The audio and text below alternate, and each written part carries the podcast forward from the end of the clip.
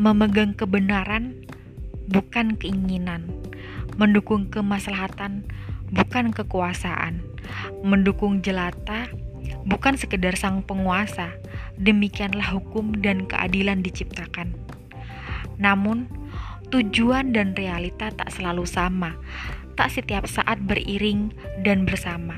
Setiap kali sering kali berbeda tujuan. Setiap kali tak jarang berbeda dari harapan. Inilah dunia dan beginilah kehidupan. Apa yang diharapkan tak selalu tercapai, karena nafsu setan masih menghantui dari sahwat kekuasaan yang tak bisa dihindari. Hukum dan keadilan sering menjadi pemanis saja.